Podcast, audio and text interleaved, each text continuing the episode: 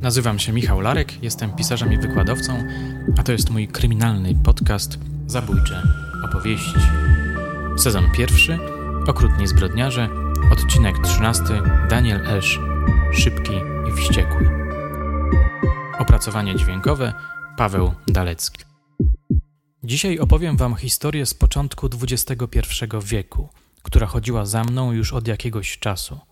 Po raz pierwszy usłyszałem o niej od znajomego oficera policji podczas wspólnej podróży do Michała Fojbusiewicza, słynnego dziennikarza telewizyjnego, autora kultowego programu 997. Historię brutalnych zabójstw dokonanych przez młodego rowerzystę. Historię, która przyciągnęła uwagę Katarzyny Bondy, TVN-u. Historię, w którą na pewnym etapie zaangażował się Bogdan Lach, najsłynniejszy polski profiler. Posłuchajcie. Będzie to opowieść o wędrownym drapieżniku. 23 lipca 2002 roku obrzeża Rawicza Sieraków. Słoneczny lipcowy dzień. Jest godzina około 14. Młody rowerzysta zatrzymuje się przed sklepem Dosia. Odstawia rower, wchodzi do środka. Tam za ladą stoi Marzena W., dwudziestoletnia, sympatyczna dziewczyna. Pracuje tu zaledwie od pół roku. Jest już zmęczona i czeka na koniec zmiany. Lada chwila przyjdzie jej zmienniczka. Pomiędzy klientem a sprzedawczynią dochodzi do konfliktu. On zażądał pieniędzy z kasy, ona się sprzeciwiła, pisze Katarzyna Bonda w zbrodni niedoskonałej. On chwycił nóż do krojenia chleba. Ona się broniła, krzyczała, wzywała pomocy.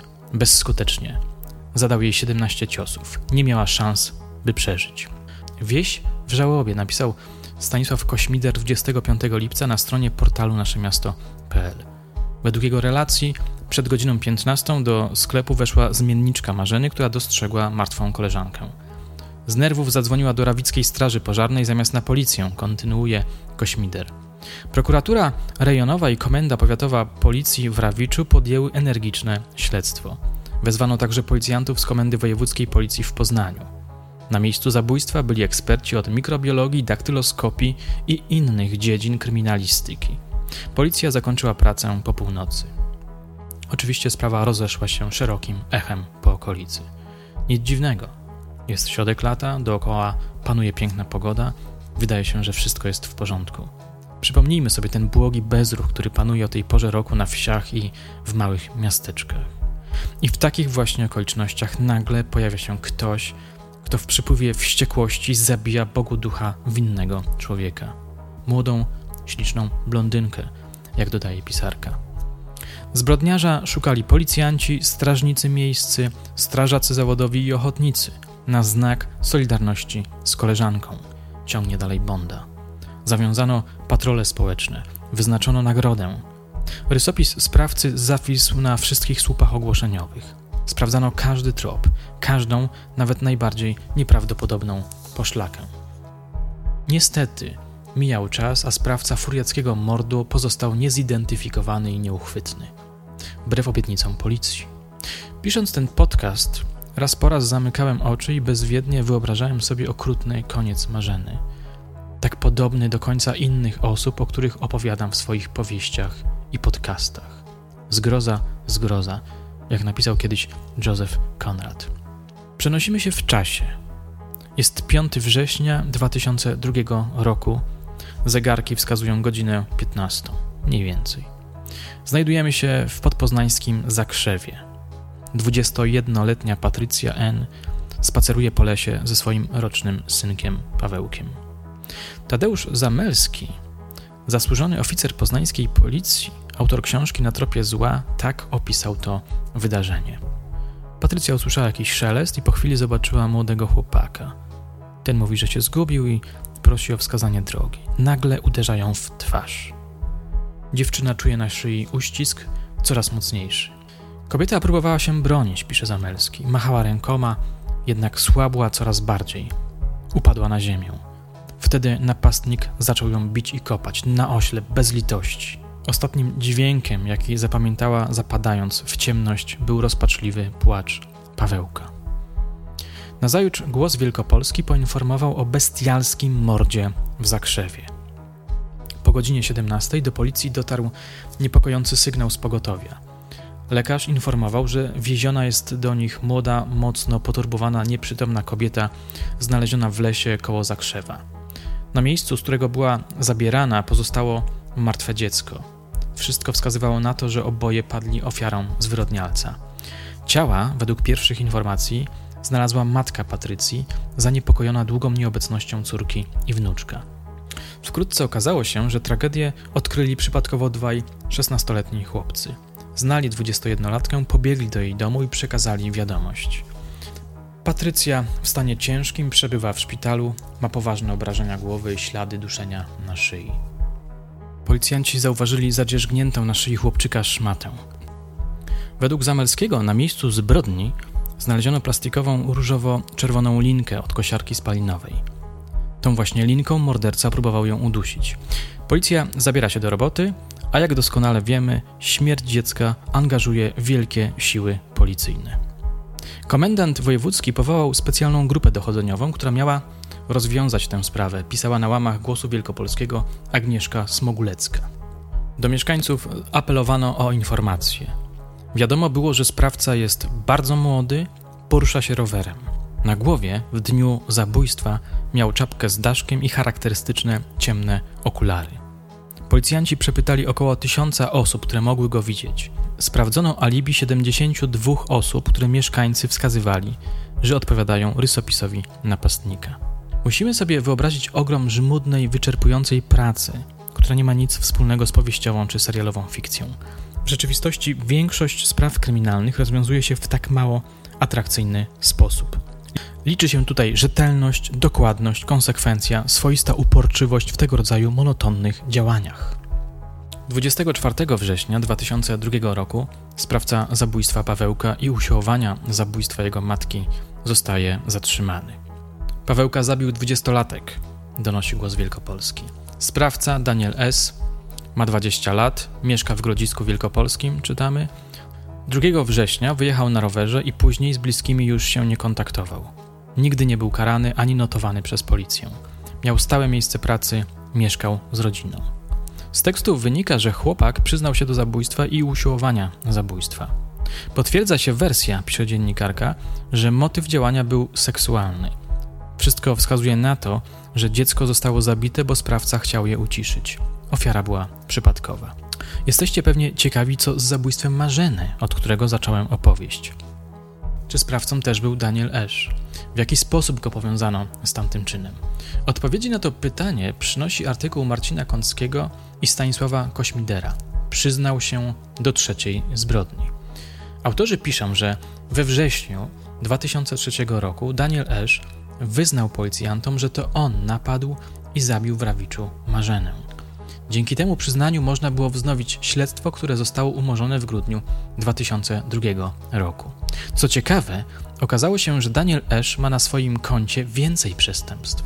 Otóż postawiono mu zarzut wzięcia udziału w sześciu napadach z bronią i włamaniach do sklepów w Grodzisku Wielkopolskim i w Poznaniu.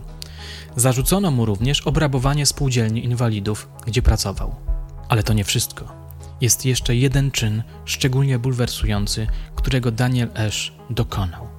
Czyn, który chyba jasno pokazuje, jakiego rodzaju był człowiekiem.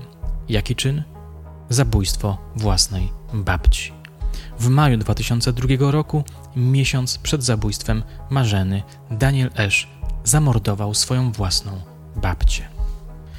Zamelski takie opisał, zapewne trochę fabularyzując fakty. Starsza pani ucieszyła się na widok wnuka. Miała ich dwóch, ale rzadko ją odwiedzali. Daniela widziała po raz ostatni niemal trzy lata temu. Wyrósł i zmężniał od tamtego czasu. Zrobił się bardzo podobny do ojca. Tylko te zimne oczy. Uśmiechnął się, a w jego oczach nie można było odnaleźć nawet cienia tego uśmiechu. Robiąc herbatę, dopytywała się o młodszego wnuczka i o ich matkę, a jej córkę. Postawiła szklanki na stole i sięgnęła do portmonetki, która leżała na szafie. Odłożyła sobie 20 zł na czarną godzinę albo po prostu na jakąś wyjątkową okazję. A przecież wizyta takiego rzadkiego gościa była czymś wyjątkowym. Poza tym wiedziała, że młodemu chłopakowi zawsze potrzebne są pieniądze i na pewno przyda się trochę babcinego grosza. Wziął, podziękował i znów się tak jakoś dziwnie uśmiechnął. A ona usadowiła się w fotelu, jakby szykując się do dłuższej pogawędki. Kawa była, co się wydarzyło przez ten miniony czas. Jak mu się teraz żyje, co planuje na przyszłość, jakie ma marzenia. Chciała sięgnąć po szklankę z herbatą, gdy nagle wstał i podszedł do niej. Zdjął leżący na oparciu szal i zarzucił go jej na szyję. Uśmiechnęła się rozczulona. Nie trzeba, dziecko, nie trzeba, przecież mamy środek maja, a dziś jest tak ciepło, zdążyła jeszcze powiedzieć. A później czuła już tylko, jak szal zaciska się na jej szyi. Tyle Zamelski. Daniel rozebrał potem ciało babci, chcąc upozorować zabójstwo na czyn seksualnego przestępcy. Zabrał jej też kilka pierścionków. Być może mord na babci stał się początkiem jego krótkiej, ale bardzo brutalnej wędrówki usłanej trupami. Mówię być może, bo w gruncie rzeczy nie wiadomo, ile tak naprawdę Daniel Esz zabił osób. Przeglądając materiały na temat tej sprawy, zorientowałem się, że istnieją różne wersje na temat wykrycia sprawcy. Na przykład Katarzyna Bonda w artykule opublikowanym na łamach pisma Focus pisze, że autorem śledczego sukcesu w sprawie zabójstwa Marzeny był Bogdan Lach, nadkomisarz Bogdan Lach, ekspert zatrudniony w policji, biegły sądowy, profiler. Mijały dwa lata od zbrodni, pisze Bonda, kiedy ktoś podsunął szefowi policji w Rawiczu numer do profilera. Kogo? zdziwił się komendant. Psychologa tworzącego portrety psychologiczne nieznanych sprawców, brzmiała odpowiedź. To dzięki niemu ujęto wampira z Zagłębia i maga z Podkarpacia. Lach przyjeżdża zatem na miejsce, czyta akta, bada sklep i okolicę, rozmawia z rodziną zamordowanej. Kilka dni później przysłał na biurko szefa policji opinię, kontynuuje pisarka. Określił w niej wiek, zawód, pochodzenie sprawcy, a także rady dotyczące jego przesłuchania. Mamy do czynienia ze sprawcą, który zrobił to kolejny raz, nie mieszka on w okolicy, w której pracowała ofiara, nie zna jej, na miejscu znalazł się przypadkowo, nigdzie nie pracuje, miał problemy z agresją w dzieciństwie. Ciągu niecałych dwóch tygodni, pod zarzutem dokonania zbrodni, do aresztu trafił 21-letni Daniel Esz. W artykule Agnieszki Smoguleckiej zatytułowanym Pawełka zabił dwudziestolatek znajduje się natomiast taki oto fragment. Posłuchajcie. We wtorek do komisariatu w Stęszewie zadzwoniła osoba, która wskazała stuk siana, gdzie spał młody rowerzysta. Mówi nadkomisarz Michał Lemański, zastępca komendanta miejskiego policji w Poznaniu i szef specgrupy. Już wcześniej wiedzieliśmy, że poszukiwany prowadzi wędrowny tryb życia. Był widywany nad ranem w stogu siana, opuszczonych budynkach. Policjanci zatrzymali go. Nie czytałem jeszcze akt tej sprawy. Wniosek o wgląd do nich złożyłem dopiero przed paroma dniami. Nie mogę więc stwierdzić, jak dokładnie wyglądał proces wykrywczy, jak się przedstawiają szczegóły związane z namierzeniem sprawcy. Ale na potrzeby niniejszego podcastu zadzwoniłem do znajomego oficera policji, który kiedyś wspominał mi o tej historii. Według niego wyglądało to mniej więcej tak. Pewien funkcjonariusz operacyjny z Komendy Miejskiej w Poznaniu podobno znakomity fachowiec, zaczął przeglądać dokumentację czynności podejmowanych w sprawie zabójstwa w Zakrzewie. Nie podaję jego personaliów, bo raczej by sobie tego nie życzył. W trakcie lektury masy legitymowań rowerzystów natknął się na podwójną wzmiankę o dziwnym młodym mężczyźnie, który raz został nawet zatrzymany przez policję, ale szybko potem wypuszczony wolno z braku podstaw do dalszego przetrzymywania. Zdaje się, że za drugim razem napotkano go, gdy wychodził z jakiegoś stogu siana. Zagadnięty, co tutaj robi, nie umiał udzielić sensownej odpowiedzi. Nazywał się Daniel Esz. Te dwa legitymowania zainteresowały operacyjniaka. Sprawdzono człowieka i dzięki temu ustalono, że jego babcia została w maju zamordowana. W efekcie postanowiono go zatrzymać. Jak już wiemy, przyznał się do zabójstwa i usiłowania zabójstwa. Troszkę inną wersję podaje Zamelski. Posłuchajcie. Poszukiwania trwały trzy tygodnie i w tym czasie Daniel Esz został zatrzymany dwa razy. Najpierw legitymowali go policjanci z komisariatu opalenickiego, poinformowani, że na polach kręci się młody, nieznany w okolicy mężczyzna. Ten nie potrafił wytłumaczyć, dlaczego ma ze sobą kilka rodzajów ubrań, za to ani jednej wędki, choć twierdził, że wybrał się na ryby i uprawdopodobnił to, legitymując się kartą wędkarską. Ponieważ w komisariacie sprawdzono, że nie był wcześniej notowany, puszczono go wolno. Dwa dni później został ponownie zatrzymany, tym razem niedaleko Stęszewa, po telefonicznej informacji od kierowcy, który dostrzegł go wychodzącego ze stogu siana. Tym razem porównano jego wygląd z portretem pamięciowym zabójcy i Daniel Esz został przewieziony radiowozem do Poznania. Do napaści na Patrycję i do zamordowania jej dziecka Pawełka przyznał się po dłuższych przesłuchaniach. 30 października 2003 roku rozpoczął się proces w sprawie zabójstwa Pawełka w Zakrzewie. W marcu 2004 roku odbyła się pierwsza rozprawa w sprawie zabójstwa Marzeny W. Daniel Esz odwołał wówczas przyznanie się do winy. Pisała o tym Wirtualna Polska w krótkim artykule zatytułowanym Niewinny morderca? Oto interesujący cytat. Przyznałem się, bo przechodziłem załamanie nerwowe, powiedział. Tłumaczył, że potrafił opisać sklep oraz wygląd dziewczyny, bo policja pokazała mu wcześniej zdjęcia i film wideo. Mówili, przyznaj się, wiemy, że to zrobiłeś i tak masz dożywocie. Jedna głowa w tą czy w tamtą nie zrobi ci żadnej różnicy, mówił Danielesz. Obiecywali, że jak się przyznam do jeszcze jednego zabójstwa, jest szansa, że zrobią ze mnie czubkę. Chłopak twierdził, że próbowano mu także przypisać zabójstwo uczennicy w Puszczykowie. Wielokrotnie przesłuchiwano go na okoliczność innych morderstw, m.in. w Białogardzie i Gdańsku. Nie chciał się przyznać. Mój znajomy oficer uważa, że Daniel Esz ma na swoim koncie zabójstwo dziewczynki, której ciało zostało odnalezione przy torach kolejowych pomiędzy Mosiną a Puszczykowem. Według Lacha to nie on był sprawcą. We wrześniu 2004 roku miała miejsce kolejna rozprawa w procesie o zabójstwo Marzeny W. Sąd okręgowy uznał go winnym tego zabójstwa. Rok później sąd apelacyjny podtrzymał ten wyrok. W styczniu 2005 roku zapadł wyrok w sprawie zabójstwa Pawełka i babci. Rzeczpospolita z dnia 20 stycznia tegoż roku tak to opisała. Daniel Esz, 22-letni zabójca 13-miesięcznego Pawełka i własnej babci, został skazany na dożywocie. Morderca wysłuchał orzeczenia z kamienną twarzą. To już drugie dożywocie Daniela Esz. Jego pierwszą ofiarą była własna babcia, łupem 4 złote pierścionki. Potem zamordował ekspedientkę w sklepie w Rawiczu.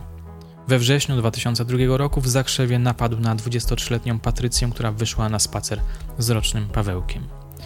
Zabił dziecko, bo zaczęło płakać, kiedy bił i dusił jego matkę. Ciało owinął w folię i porzucił w przydrożnych śmieciach. Wyrok nie jest prawomocny.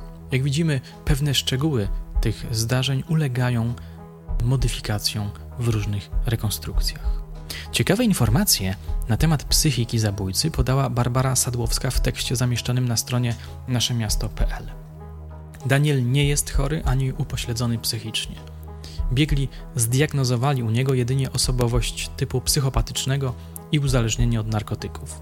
Stwierdzili, że nawet w przypadku tak młodego człowieka resocjalizacja będzie nieskuteczna. Danielowi obce są uczucia wyższe Odebrał życie staruszce i małemu dziecku. Ten młody, wysportowany mężczyzna atakował, zachodząc ofiarę od tyłu. Nawet jeśli była to tak niewysoka, drobna dziewczyna jak Patrycja N. Czy to przypadek, że zawsze atakował dużo słabszych od siebie? Zamelski podkreślał w swojej relacji, że na oskarżonym ogłoszenie wyroku nie zrobiło najmniejszego wrażenia.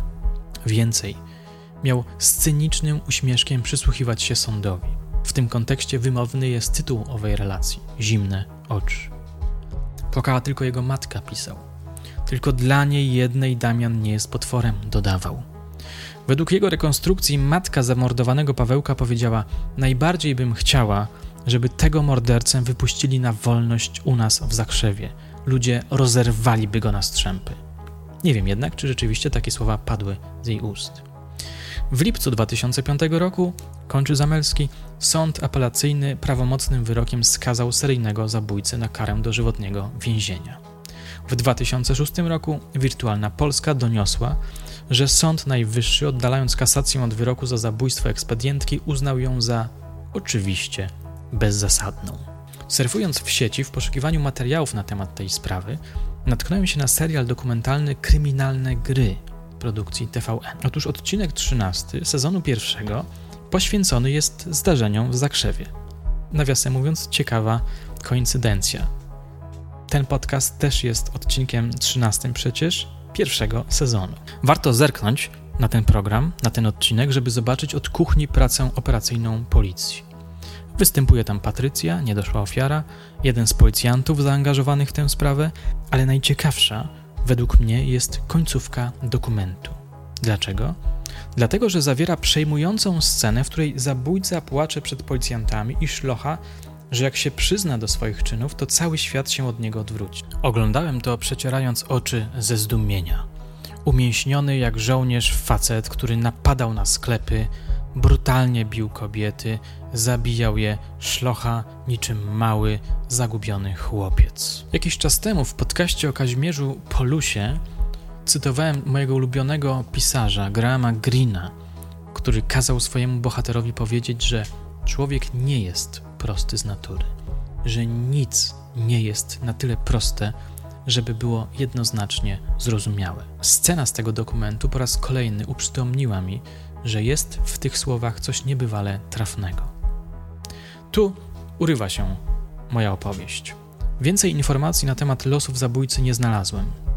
Jeśli sąd zezwoli na wgląd w akta, zrobię na ten temat jeszcze jeden, o wiele bardziej rozbudowany podcast.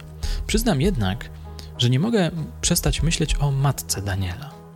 Być matką kogoś takiego i nie móc przestać go kochać, musi być czymś niesłychanie tragicznym. Jestem bardzo ciekawy, jak potoczyło się dalej jej życie. Moi kochani, na dzisiaj to wszystko. Zachęcam do lajkowania, komentowania oraz subskrybowania mojego kanału, a także do śledzenia moich poczynań na Facebooku i na Instagramie. Jeśli chcecie być na bieżąco z moją działalnością, tam znajdziecie aktualne informacje. Przypominam, że pierwszy sezon zabójczych opowieści powoli dobiega końca. Niebawem nagram i wypuszczę ostatni, czternasty odcinek. Sezon uwieńczy bonusowy podcast, w ramach którego przeczytam fragment mężczyzny w białych butach, przedstawiający przesłuchanie Tadeusza Kwaśniaka, seryjnego zabójcy, który został zatrzymany w Poznaniu w kwietniu 1991 roku. Dziękuję Zuzannie Sołtysiak za pomoc w realizacji tego materiału. Do usłyszenia już wkrótce.